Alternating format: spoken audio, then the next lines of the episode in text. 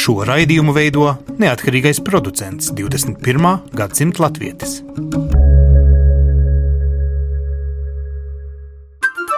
Lai kur mēs būtu, Lai kur mēs būtu, Lai kur mēs būtu, Lai kur mēs būtu, Tie esam mēs. tie esam mēs. mēs. Tie esam mēs. Mēs, tas ir par mums. Tas ir par mums.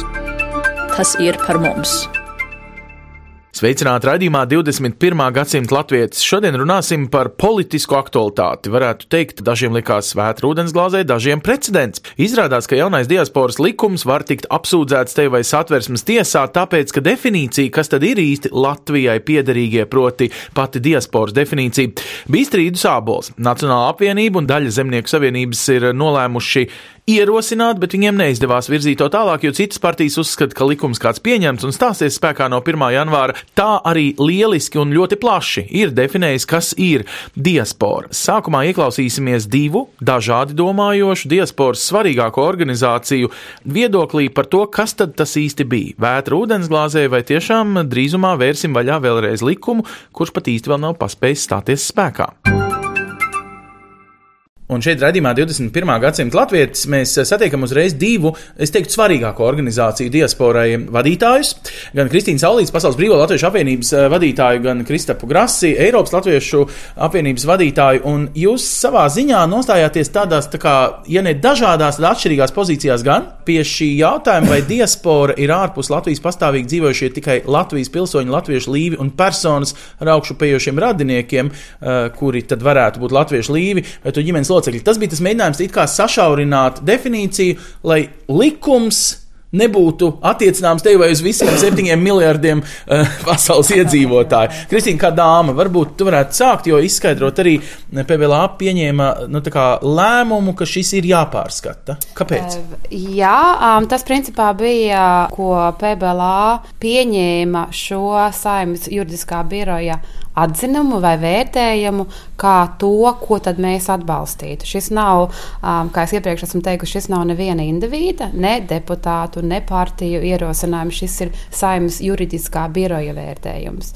Un mūsuprāt, saimnes juridiskais birojs ir tas, uh, kā mēs saprotam, ka tas, kas pieskata Latvijas intereses. Tā kā mūsu gadījumā tas Nu, ir neitrāls cilvēks. Ja? Ne, neitrāli, bet arī, kas, teiksim, pieskat Latvijas intereses, lai um, netiktu pieņemti likumi vai lēmumi, kas būtu uh, Latvijai nu, nevien nevēlami, bet nedraudzīgi arī varētu rast, um, teiksim, uh, apdraudējumu. Nu, bet tagad sanāk tā, piektā daļa saimnes deputāti ir gribējuši mainīt. Uh, mainīšana nav izdevusies. Turklāt, var, faktiski divas dienas pirms spēkā stāšanās šim likumam no 1. janvāra. Ko tas nozīmē? Ka mēs esam nolēmuši dzīvot tuvāko laiku ar likumu, kurš ir pārāk attiecināms uz visiem un bīstams vai kā? Nē, es, es neteiktu, ka pārāk attiecināms vai bīstams. Es domāju, kas skaidri parādījās, bija tas uh, vakar saimnes saliedētības komisijas sēdē, ka principā varbūt viena persona, kas vispār piedalījās šajā darbā, vai divas personas tikai sēdēja ap galdu. Visi pārējie bija pilnīgi jauni, svaigi deputāti, kas vispār par šo lietu nebija nu, informēti nekādā veidā, tas arī parādīja to, um, ka bija daudz zvani un sarunas un ļoti mistēriska izpratne par to, um, kas tad vispār šis likums ir. Tāda nesagatavotība vispār. Bet, nu, katrā gadījumā, kā es arī vakar minēju, mēs strādāsim, mēs turpināsim strādāt. Šis neko mūsu darbībā ne, neko mm. neietekmēs, bet, ja ir jāizsaka savs viedoklis, tad mūsu viedoklis bija uh, saimnes juridiskā biroja lēmums. Labi, un Kristapa Eiropas Latviešu apvienība savukārt teicās, ka uh, tas, kāda ir šī definīcija likumā, ir lieliska, ja ne varbūt perfekta. Uh, tādā ziņā, ka attiektos arī uz tiem, kuriem patiesībā pēc asins grupas latvietība ir ļoti tālu, bet viņi jūtas piederīgi Latvijai. Es varētu tā, nu, varbūt pārspīlēti saukt jūs par kosmopolītiem vairāk šajā pozīcijā. Par kosmopolītu man personīgi noteikti var saukt, bet tam nav saistības nekādas ar šo definīciju kā tādu. Vispirms jāsaka, ka tā jau nav mūsu izgudrojums vai komponējums, bet iepratī minētai juridiskā biroja definīcijai šo ar plašāku tvērumu esošo definīciju, kādu apstiprināja arī pēdējās saimas sasaukuma pēdējā darba dienā. Un kādu arī apstiprināja iepriekš trijos lasījumos, un kādu apstiprināja gan eh, darba grupa, gan arī ārlietu komisijas, bija ārlietu ministrijas priekšlikums. Tātad es šaubos, ka ārlietu ministrija kā tāda arī būtu ieinteresēta kaut ko šai valstī sliktu darīt, eh, radot šāda veida priekšlikumu. Tātad tur tāpat tās bija apsēdušies arī tās eh, iestādes juristi, gudrojot par to un prātojot, un beig beigās jau viņi bija tie, kas to radīja un tādu arī ievies kā priekšlikumu priekšlikumu. Tur jau mums diasporas organizācijām vairs eh, sen nebija nekādas tiesības to tā darīt. Var iespējams eh, diskutēt par to, kas ir teiksim, adekvātāk vai varbūt eh, visvairāk atspoguļo reālo situāciju, kā, kāda ir teiksim, diasporas kopiena kā tāda.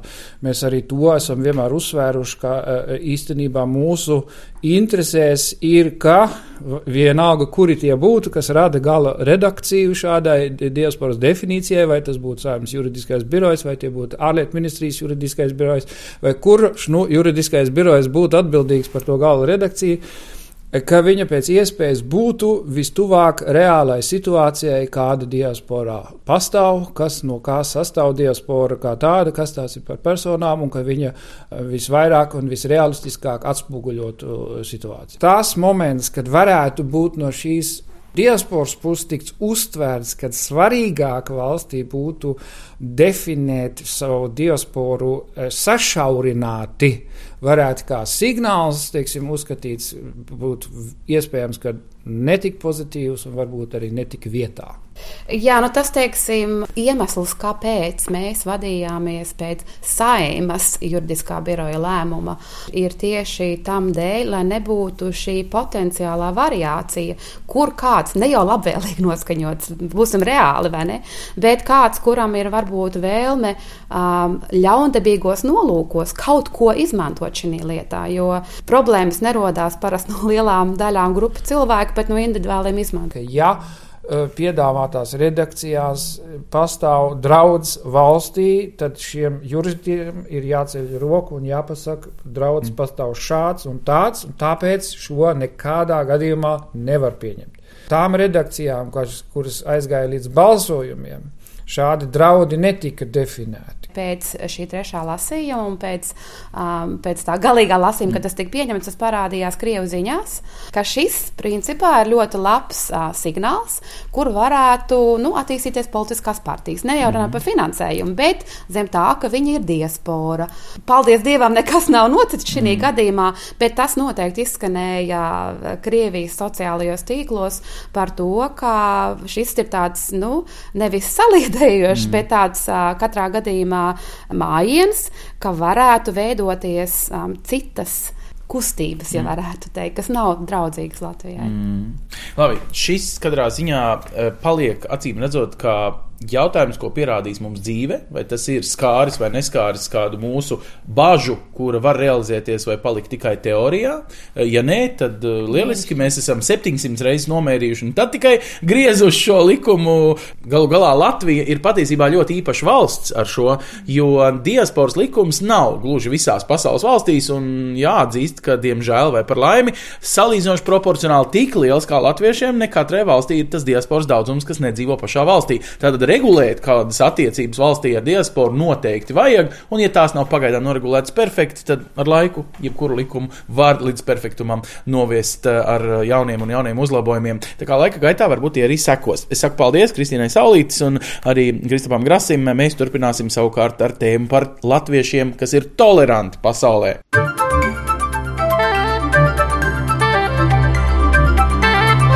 Tie esam mēs.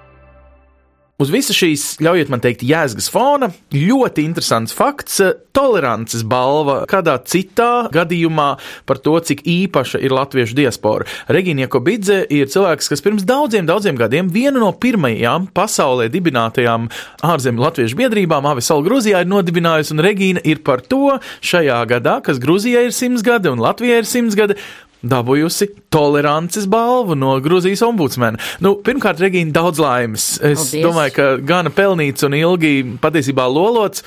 Divas īpašas personības, vai drīzāk trīs, tu pati, tā trešā, bet divi vīrieši, kuri ir tie, ap kuriem strādājot un pašos Gruzīnos veicinot nu, savas dzimtenes izpratni un mīlestību, tu esi darījusi slavenu gan Latviju un latviešus, gan patiesībā Grūzijai likusi apzināties savas saiknes. Ar kuru sāksim? Ar Robertu vai ar Jūliju? Ar Robertu. Tu mazliet uzsvaru lietas ne tajā virzienā. Nu, kurā man jāliek? Man Gruzīniem nekas nebija jāpierāda. Gruzīni ar milzīgu cieņu izturas pret Jūliju Straumi, un Gruzīni ar milzīgu cieņu izturās pret Robertu Kupci. Nu, sākam ar Robertu. Roberts Kupci. Kas ir Roberts Kupcis? Viņu panākumi ir atzīti.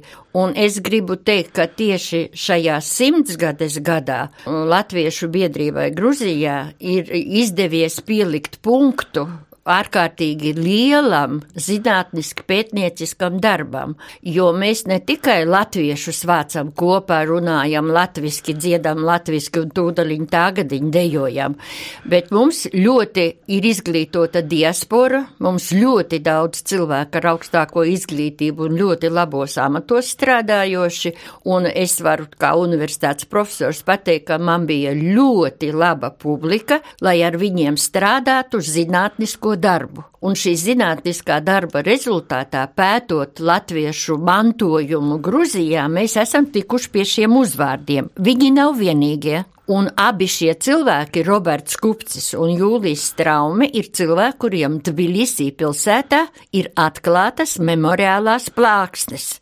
Un es to uzskatu par lielu panākumu. Pirmo mēs atklājām 2000. gadā Jūlijam Straumem, un 2011.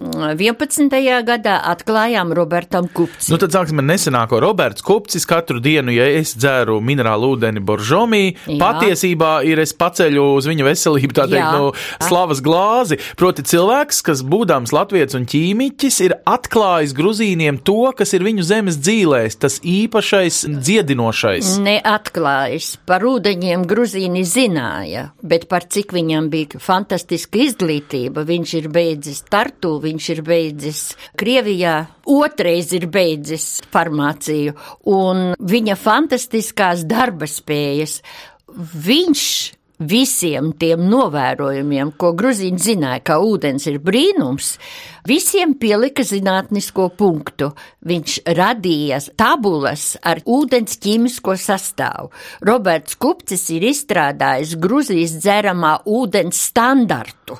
Nu, un tas ir viens no augstākajiem pasaulē, jo tie ir ļoti nu, veselīgi Pilnīgi tie minerāli ūdeņi, kas nāk Grūzijā no Grūzijā zemes. Grūzijā atver krānu, pielēj pilnu glāzi un ar pilnīgu pārliecību, ka tu dari sev labu, izdzer to glāzi. Tātad tas nav lieliski nofiltrēts, notīrīts, ne. Eh, drošs tādā ziņā to kā Eiropas Savienība, bet veselīgs. kalni, to visu ir izdarījusi pazeme. Un, lūk, eh, Roberts Kupcis pirms vairāk kā gadsimta, būdams Krievijas cara armijas, kas viņš bija, nu kaut kāds liels priekšnieks jau bija, uzpleču bija, vai ne? Mediķis, mediķis. Un tad, kā mediķis, viņš bija faktiski nosūtīts darbā uz Grūziju, bet vienlaikus, nu, nodarbojas arī, lūk, ar šo savu sirdslietu, ar farmāciju. Nu, viņš līdz līdz Gruzijai bija austrumos, tālajos austrumos, kas tas bija pa karu. Manžūrijā. Nu, tā, nu jā, nu jā, tas nāk Manžūrijas karš. Jā, un tur viņš iepazinās ar savu holandieti, ar sievu, kuru viņam nedēva, jo pateica, nu kā var tādam zemniekam no Latvijas atdot tādu cēlu dāmu, jā. Un tad viņš to otrais mācījās tajā Kazaņas universitātē, tagad atcerējos. Un tad nu viņam atļāva precēties, un tad, kad viņš apprecējās, un viņiem jau bija pirmais dēls, tikai tad viņi atbrauc uz Gruziju. Un Gruzijā jau eksistēja mikroķīmisko analīžu laboratorija, kas bija saistīta ar kriminālu. Tā bija laboratorija, kas nodarbojas ar ļoti nopietnām lietām, un to otro pavērsienu, nu, viņam ir panākuma arī tajā kriminālajā Viņam ir milzīgi panākumi. Viņš, Tiesu medicīnas ekspertīze būtībā, ja? Jā, jo viņš ir iekļuvis medicīnas enciklopēdijā kā specifiskas kupča asins analīzes autors. Aha. Es tev nevaru pateikt, kas tas ir, jā. bet tajā ir. Un otrais viņš ir iekļuvis enciklopēdijā kā minerālo ūdeņu ķīmisko sastāvu sastāvdaļu. Tā teikt, cilvēku asins un zemes asins ūdens, vai ne? Jā. Bet, um, Regīna, nu, nav jau tā, ka viņš atklāja tikai um, ķīmisko formulu. Aiz šiem viņa atklājumiem viņš atvēra acis Gruzīniem par viņu zemes dzīļu bagātību, un tikai tad, faktiski, Grūzijā radās tradīcija par dziednieciskiem kurortiem. Par... Tas ir 1926. gads, kad oficiāli Grūzijā tika radīta kurortu nozare kad pirmo reizi radās tāda nozare kā kurorti, un lūk, to kurortu pamatā rekomendācijas bija Roberta Kupča, jo te savienojās divi - ķīmiskā analīze un farmaceits. Viņš zināja, kurš ūdens kurai nelaimēji palīdz. Tas mūsu 20 gadu darbs, Latviešu biedrības gadu milzīgais darbs, šogad simtsgadē ir vainagojies ar to, ka ir atklāts, nu pat divas nedēļas atpakaļ, ir atklāts Gruzijas medicīnas vēstures muzejs, saimnieks ir Šengēlija, Un šajā muzejā Robertam Kupcim ir ierādīta goda vieta. Ar fotografijām, ar grāmatām Roberts Kupcis sevi jau ir iemūžinājis, tur nav par ko runāt, un Gruzija to atzīst. Bet tagad viņš ir iemūžināts jau fiziski. Mm. Viņam ir vieta muzejā, un es uzskatu, ka tas ir mūsu panākums, jo mēs desmit gadu ar to šengēlī runājām, kur likt, kur likt to, ko mēs esam sarakuši, gribas parādīt parādīt. Un tagad muzejā viņam ir vieta, un viņa vārds muzejā ir iemūžināts. Jā, nu tas ir tik interesanti šīs paralēles, jo tas gan arī tā kā lēnām sāk izskaidrot, nu kāpēc latvieši tā apbrīno un tā mīl, kad viņi nonāk Grūzijas apskāvienos. Es viņi vienkārši pateikšu... jūtās kā tādi vecmāmiņas eh, mīļumi ieskauti. Jā, es tev pateikšu, ka tajā ķīmiskajā, to mikroķīmisko analīžu laboratorijā nekad nav strādājuši gruzīni. No tā laika, kad viņi ir eksistējuši, viņa tā vienmēr ir uzticēta ārzemniekiem. Acīm redzot, nu, savs savējam grib palīdzēt, vai ne, ja tur kaut kādas Jā. aizdomas un tā. Un pirms uh, Roberta vācietis vadīja to ķīmisko laboratoriju, un Roberts novadīja 40 gadus, kamēr Visu viņš bija dzīves laikos, gan tad sanāk arī Jā, padomu nu, laikos. Nu, līdz 54. gadam. Labi, tagad uh, par otru nemazāk svarīgu, un te ir viena paralēle. Apmēram 1911. gados Rīgas Latviešu biedrība organizēja šo slaveno Kas ir latviešu izstādi, Latvijas etnogrāfijas izstādi. Tai arī mēs svinējām nesen simtsgadi mūsu simtsgadus kontekstā. Arī Grūzijā ir simtsgadus konteksts un vēl viena personība - Jūlijas Straume, latvietis mākslinieks. Kā viņš iemaldījās Grūzijā toreiz ceru laikos? Tā jau bija Viņš ir beidzis Pēterburgā Štiglica uh, akadēmiju, un pēc tās Sanktpēterburgas viņš kaut kā Latvijā, nu, nederēja. Viņš bija par daudz gudrs, par daudz izglītots, kaut kā viņš te pamētājās, pamētājās. Tad viņš no tā Štiglica dabūja atļauju uz Franciju, vienu gadu viņš bija stažējās Francijā, tur viņam franču sieva no turienes, un tad pēc tās Francijas, tad viņš aizbrauca pamēģināt laimi Gruzijā. Un tā laime bija, viņu uzaicināja Kaukāza mājamatniecības komiteja. Tā ir fantastiska komiteja, 3K, ja? Jā, Kaukāza, Kafkaski kustadnika micēta, 3K viņi mm -hmm. ir mhm. krieviski. Un tā ir fantastiska organizācija, jo tas bija 20. gadsimta sākums, un viņas funkcija bija mājamatniecību, meistarību pārvērst par preču ražošanas darbnīcām. To, ko māk viens, lai to ražo jau darbnīca un lai tā ir prece pārdošanai. Un šajā te komitejā, kad uh, Jūlijas sāka strādāt, tur viena no novirzēm bija, nu, viņš pats specializējās sudraba lietās. Viņš pat 1913. gadā viņš piedalījās Sanktpēterburgā izstādē ar saviem sudraba izstrādājumiem un ieguva ārkārtīgi lielas balvas, un par to viņam uh, iedeva Gruzijas goda pilsētas pilsoņu nosaukumu. Tātad Jūlijas Straume, kā Grūzijas goda pilsonis, patiesībā šo godu dabūja tieši dēļ 1913. gada izstādes, kad viņš uztaustīja Grūzijas specifisko etnogrāfijas kodu un pārvērta to sudrabā, muzejā. Sudrabā. Tur viņš rādīja sudraba izstrādājumus, bet uh, muzejs radās pats par sevi, jo viņš brauca ekspedīcijās un vāca visus paraugus, kurus var atrast mājās, mājasaimniecībās un veda uz Tbilisi. Un viens no lielākajiem, kvantitatīvi lielākajiem atradumiem bija tepiķi. Tos austrumu tepiķus Grūzijā auž katrā otrā mājā, un viņš tos tepiķus savilka no kahetijas, no svanētijas, no, var sakot, no visiem būtībā, kaktiem. kad tu saki šos reģionālus nosaukumus, no Grūzīna paši uzskata, ka tās ir atsevišķas tautības, kas Grūzijā Nē, tās dzīvo. nav tautības. Nu, tās ir uh, viņu pašu tāpatās kā kurzemnieks un vidzemnieks. Jā, bet, tās nu, nav tautības. bet tātad šīs etnogrāfiskais mantojums sastāv no ļoti dažādiem Ļoti rakstiem, tāpat kā dažādiem. latviešiem būtu šis dažādums katrā vienā nākamajā ciemā, vai ne? Tautas tērpā redzams. Pilnīgi pareizi. Nu, un tad uh, Grūzīnu nacionālā pašapziņa, es pieņemu, ap to brīdi, nu, gal galā drīz dibinājās arī Grūzijas Nu, veidojās? brīvvalsts. Uh, Viņš ir Ļoti pielicis aktīvi. nu, ļoti svarīgu lomu tādu vizuālā mākslā, paskaidrot, ar ko tu esi atšķirīgs no jebkura cita apkārtnē. Viņš bija tik daudz savācis tajā komitejā. Nu, tā komitejai ir ēka, mēs tur esam bijuši. Tas ir Muštājiedi parkā tāda ziļa zaļa māja, viņa stāv tā komiteja. Un viņš bija tur tā savācis, kad vairs nebija vietu. Un tad radās, ka kaut kur tas viss ir jāizvieto. Un tad radās tā ideja par muzeju. Un muzejs ir ceļojis ļoti daudz, viņam ir bijuši ļoti daudzi direktori, vadītāji un tā tālāk. Un uz šo brīdi muzejs atrodas pilsētas centrā, Šalvādā Džāņa 28, un direktore ir Irina Košoridze, un es esmu ļoti pateicīga viņai, jo jūs zinat, kad tu tāds latvietis ienāc Gruzīnu Nacionālā muzeja telpās un sāc kaut ko stāstīt par latviešiem, kad latvieši te ir pielikuši roku, nevienmēr tur ar lielu prieku jūs klausās. Un es esmu ļoti pateicīga Irinai Košoridze, jo viņa oficiāli ir atzinusi, ka Jūlijas Straumi šo muzeju ir radījis, jo direktors, kas bija pirms viņas, mēs ar viņu bijām navaņa, kak navaņa. À, tad, kā teikā, suns ar kaķi, ja? Es viņam saku jūlijas trauma, viņš saka, ito ar savu jūlijas traumu. Bet fakts ir fakts. Uz šo brīdi muzejā ir gandrīz 500 muzeja vienības, kuras ir ar jūlijas traumas roku radītas.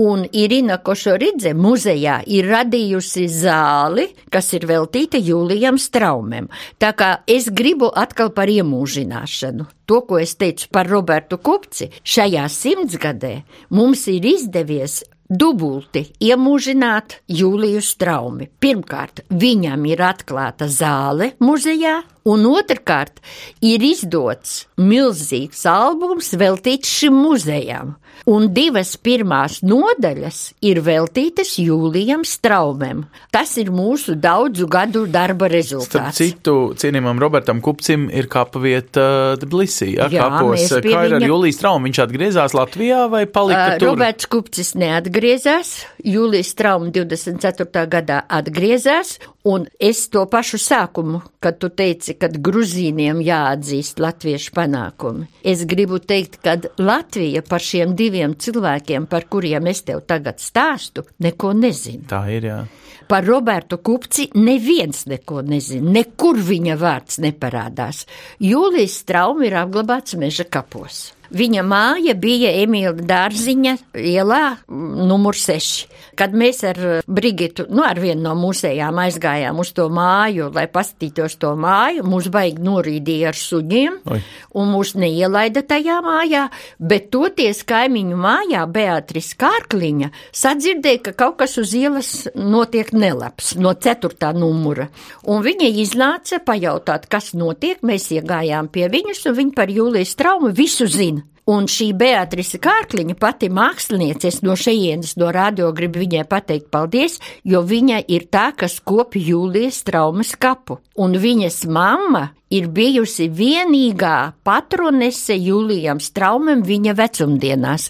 Viņš nodzīvo līdz 96 gadiem. Visu Tā kā bija ļoti pieklājīgs vecums, un šī te ģimene no ceturtā numura pilnīgi rūpējās par Jūliju Straumi. Un Jūlijas Straumi guļ ļoti netālu no čakstas kapa, ļoti viegli atrast, viņš uz paša tā galvenā celiņa ir, vajag tikai atrast vislielāko priedi, un taisni lielākai priedē kreisajā pusē ir Jūlijas Straumas kaps. Un kad mēs te esam ar bērniem, mēs vasarā bieži braucam uz nometnēm šeit, mēs vienmēr esam uz to kapu aizgājuši, vienmēr ziedus esam likuši, un vēl pats interesantākais, ka pavisam netālu, burtiski desmit metri no Jūlijas traumas kapa, ir trešais mūsu variants, par kuru es te šodien negribu stāstīt. Tas, lai paliek intrigā, Tas ir admirālis Teodors Spāde. Vai slavenais spāde ir izrādās Mēs arī Grūzijā viņ- sācis? Viņa biogrāfija sākās Batumi. Viņš bija tā tad Melnajā jūrā no sākuma Melnajā jūrnieks. jūrā, un viņš bija Balto Nu, armijā, jā, nu, protams, armijā, cara laikā, un jā. aizbēga no cara tieši pateicoties Deņikinam un tā tālāk. Nu, tas ir atsevišķs stāsts. Latvieši ir visur, Ansi, latvieši ir vareni, un latvieši ir piedalījušies ne tikai ka savas valsts vēsturē. Mani aiztikt nevajag. Nē. Es varu stāstīt 24 stundas. Un tagad uz šī fona, Regīna, man ir pilnīgi skaidrs, man jau patiesībā gadiem ir skaidrs, kāpēc tu esi šo īpašo arī priekš Grūzijas tolerances balvu saņēmusi. Tu teici, viens no nedaudzajiem uh, negruzīniem, kas vispār pie šīs balvas Grūzijā Divi, divi tika pie šīs balvas, viens vācietis un es. Un saki, lūdzu, nu, kā tu jūties, vai tu pati arī faktiski esi tāds tilts starp divām valstīm? Nu, dzīve tev tā ir likusi vienkārši būt. Nu, kā tu sevi uztver tagad, kad it kā arī mēs to pasakām Latvijai skaļi? Tu, Latvijā, Grūzijā, esi saņēmusi nu, citas valsts augstu apbalvojumu, un tu neesi Nu, formāli to saņēmusi kā vēstnieki vai Tas ir par valsts vīri. sabiedrisko darbu, bet par pedagoģisko darbu es esmu saņēmusi medāli. Man uh, Gruzijas valsts universitāte apbalvoja arī Vana Džohišvili medāli par pedagoģisko darbu, jo man ir 33 gadu darba stāsts Gruzijā, un viss ir augstākajās Nu, protams, te mācību jāapskaidro, tu esi ekonomikas pasniedzēja ja, Jā. universitātē.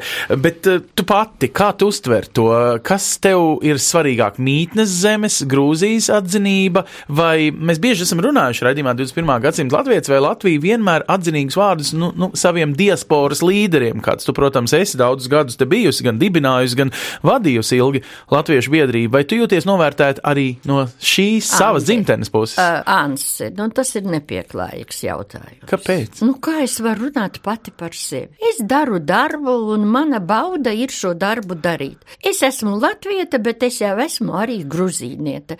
Un Gruzijas un Latvijas attiecības priekš manis ir mana dzīve. Nu, par ko tur runāt? Es nākot pie tevis laukumā satiku gruzīnu bērnus. Kad es sadzirdēju gruzīnu valodu, man uzreiz viss gruzīniskais uzkūpēja. Aha. Un es rītā iešu uz viņu koncertu. Labi, nu tā ir tava, nu tā, varētu teikt, dubultā identitāte. Jā, Bet nu, 50 gadi ir 50 gadi. Es esmu precējusies ar Gruzīnu. Pēc diviem gadiem būs 50 gadi. Bet tas- tik ilgi nedzīvoja. Nu, nu, nu, nu, nu, tā es neteicu. Es tikai padomāju, ka viss cieņa tur noteikti temperamentu sadarības un tādas lietas ir. Tur ir ko, kā teikt, slīpēt vienam pret otru. Bet, Regina, tu pati šo tilta funkciju, kā tu sevi viņu nes, vai tas ir kāds papildus sloks vai papildus Nekāds. privilēģija cilvēka tā dzīvē? Ir, tā ir mana daba. Es lielos. Mana meita vienreiz teica, tu zini, ka tu esi latviešu šovinists. Un tava meita ir ar grūzīnu vārdu, Nino, ja? Jā. bet viņa, protams, prot abas valodas, vai ne? Ļoti labi. Šovinisms ir tajā, ka tu viņai spiedi būt arī latvietei. jā, jā. Un tad, kad man to toleranci iedeva, viņi saka, viņi zina, ka tu esi latviešu šovinists. Bet kā, nu labi, balva nav par šovinismu, balva ir par toleranci. Toleranci, Un tas jā. ir tā kā pretmets nosacīts šovinismam. Jā. Kā tu izproti vārdu toleranci? Vai latvieši ir toleranti, vai tu esi minoritāte šajā ziņā? Jā, es esmu minoritāte. Tas, ar ko tu iesāki par to diasporas likumu, viņam ir jābūt visplašākajā sapratnē, visplašākajā. Es jums saku, ka Latviešu biedrībā Gruzijā, ja pēc asans analīzes noteiktu latvietību, tad tur latvieši ir tikai puse. Ir poļi, ir ebreji, ir krievi, kuri Latviju uzskata par savu dzimteni. Viņi tur ir dzimuši, viņi tur ir auguši.